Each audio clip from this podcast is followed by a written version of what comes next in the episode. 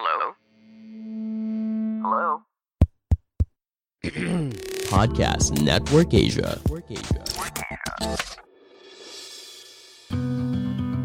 Hai, sekarang Stoicast ID sudah didukung oleh Podcast Network Asia. Buat teman-teman yang ingin mempelajari lebih lanjut tentang podcast atau kalian ingin tahu gimana caranya memonetisasi podcast, boleh banget loh kepoin dan ikuti media sosial Podcast Network Asia atau melalui situs web di podcastnetwork.asia. Dan untuk mempermudah proses monetisasi, daftarkan podcast kalian di podmetrics.co secara gratis.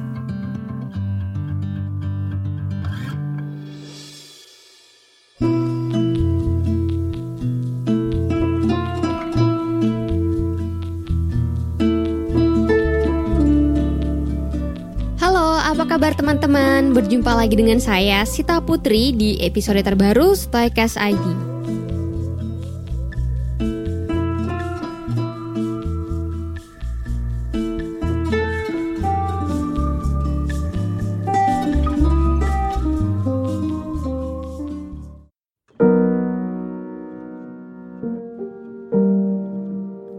Beberapa waktu yang lalu, aku mendapatkan pertanyaan lagi nih dari salah satu teman kita. Eh, Kira-kira pertanyaannya seperti ini, Kak, gimana cara kita menghadapi orang yang apa yang dia ucapkan eh, itu kontradiktif gitu dengan apa yang mereka lakukan gitu?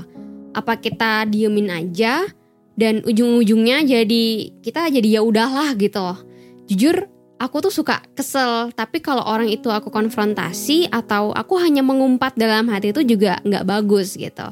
Ini pertanyaan dari teman kita dan pertanyaan ini cukup menarik ya. Mungkin kita sering menghadapi orang seperti ini Eh, dan terima kasih juga udah kirim pertanyaannya. Nanti akan aku bahas.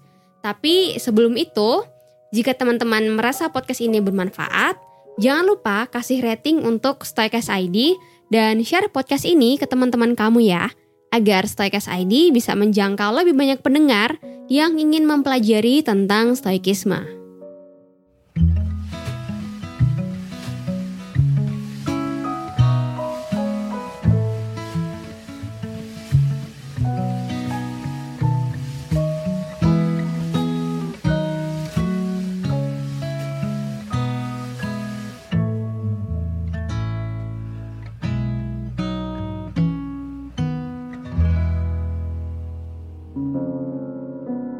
Dalam interaksi sosial kita sehari-hari, eh, entah itu dengan orang-orang terdekat kita seperti orang tua, saudara, hingga teman kuliah, rekan kerja atau orang lain ya, sia- siapa pun itu, pasti kita akan ketemu ya dengan berbagai macam tipe orang gitu.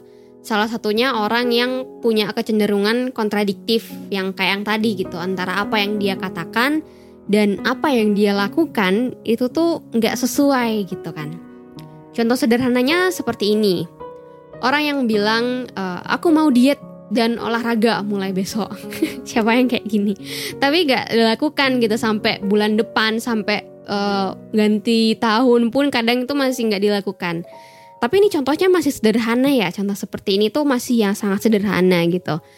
Eh, ada lagi nih contoh lain eh, orang yang janji bakal bayar utang minggu depan gitu kan. Tapi pas ditagi malah balik marah dan utangnya nggak dibayar. Ini kan cukup kontradiktif gitu ya. Apa yang dia ucapkan dan yang dia lakukan itu kayak nggak sesuai gitu. Tapi memang adalah contoh-contoh lain yang mungkin lebih ekstrim gitu.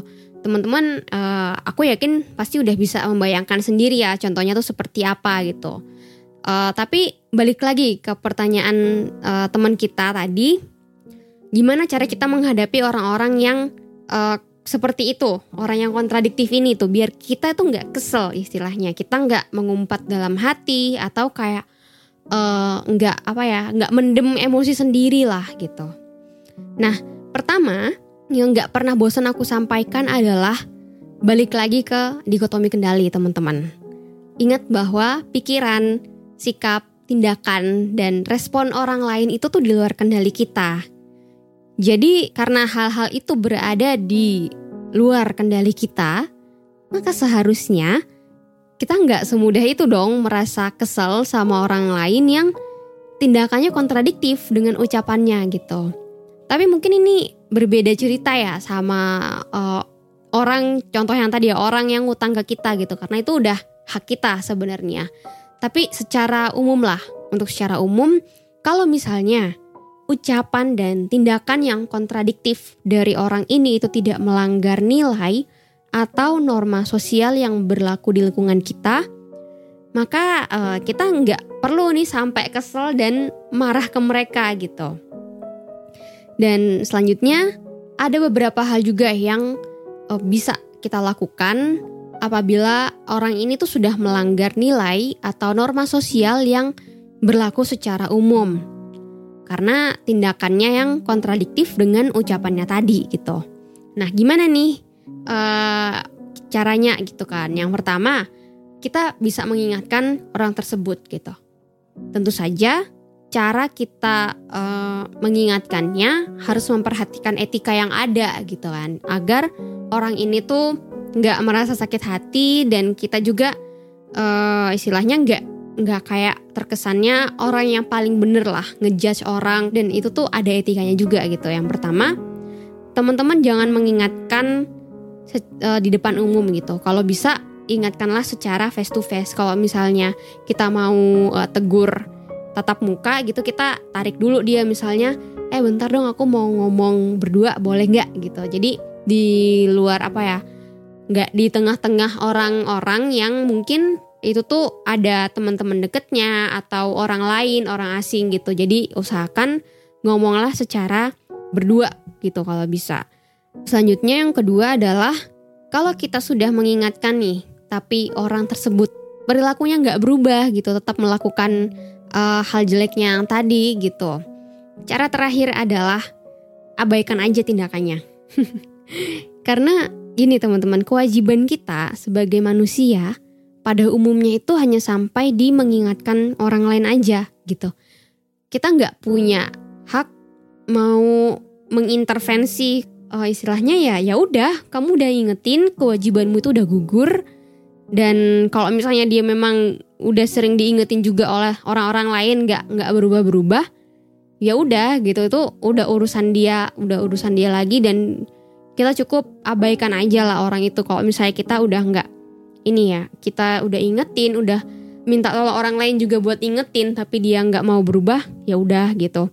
Jadi sama halnya ya kalau misalnya ada orang yang terjadi di sekitar kita orang-orang entah itu orang terdekat atau apa mm, mungkin pendekatan juga akan berbeda gitu. Kayak misalnya orang tua kita saudara kita atau yang masih ada hubungan kekerabatan keluarga itu kan juga pasti beda ya hmm, sebenarnya ini juga harus kita tahu suasana dan situasinya aja gitu. Yang penting itu tadi jangan ingetin menegur, ingetin menegur orang di depan umum gitu. Itu pasti nggak akan berjalan dengan baik dan niat kita yang akan disampaikan malah jadinya nggak bagus gitu. Karena orang pasti ingetnya, oh kamu mau mempermalukan aku. Nah itu yang perlu kita ingatkan gitu.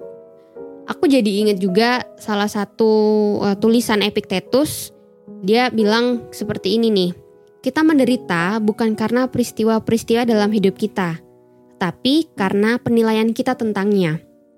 Kadangkala orang ini yang tadi ya, yang dia kontradiktif antara ucapan dan uh, perbuatannya gitu. Sebenarnya itu tuh netral gitu. Kalau para filsuf stoik bilang itu tuh netral, kita nggak akan bisa tersakiti, kita nggak akan bisa uh, sedih hanya gara-gara hal itu gitu. Tetapi mungkin penilaian kita yang bikin kita akhirnya merasa sebel, merasa uh, apa ya marah gara-gara itu gitu. Hmm, tapi yang penting itu tadi sih teman-teman, selama dia nggak melanggar norma, norma sosial yang berlaku di masyarakat, ya udah nggak apa-apa gitu. Tapi dia melanggar norma norma atau nilai yang aku anut gitu. Oke, okay, itu adalah hal beda lagi teman-teman. Mungkin nilai yang aku anut dan teman-teman anut tuh beda, tetapi nggak bisa dipaksakan dong, gitu kan. Yang penting secara umum kalau misalnya dia nggak melanggar norma sosial ya udah kayak gitu. Mungkin itu aja sih untuk jawabannya ya. Mungkin cukup singkat tetapi menurutku itu balik lagi ke dikotomi kendali gitu. Kenapa kita harus merasa sebel kalau hal itu tuh di luar kendali kita itu kan istilahnya kita nggak bisa kendalikan ya orang mau ngomong apa masa kamu udah ngomong kayak gini tapi kamu malah uh, melakukannya dengan hal yang berbeda itu kan kita nggak bisa mengatur mereka sedetail itu oke teman-teman sekian dulu episode Stoikes ID kali ini terima kasih sudah mendengarkan hingga selesai Jangan lupa berikan rating untuk Stoikas ID dan share podcast ini ke teman-teman kamu ya, agar lebih banyak orang yang tahu dan mempelajari tentang Stoikisme. Saya Sita Putri pamit, sampai jumpa di episode selanjutnya. Bye!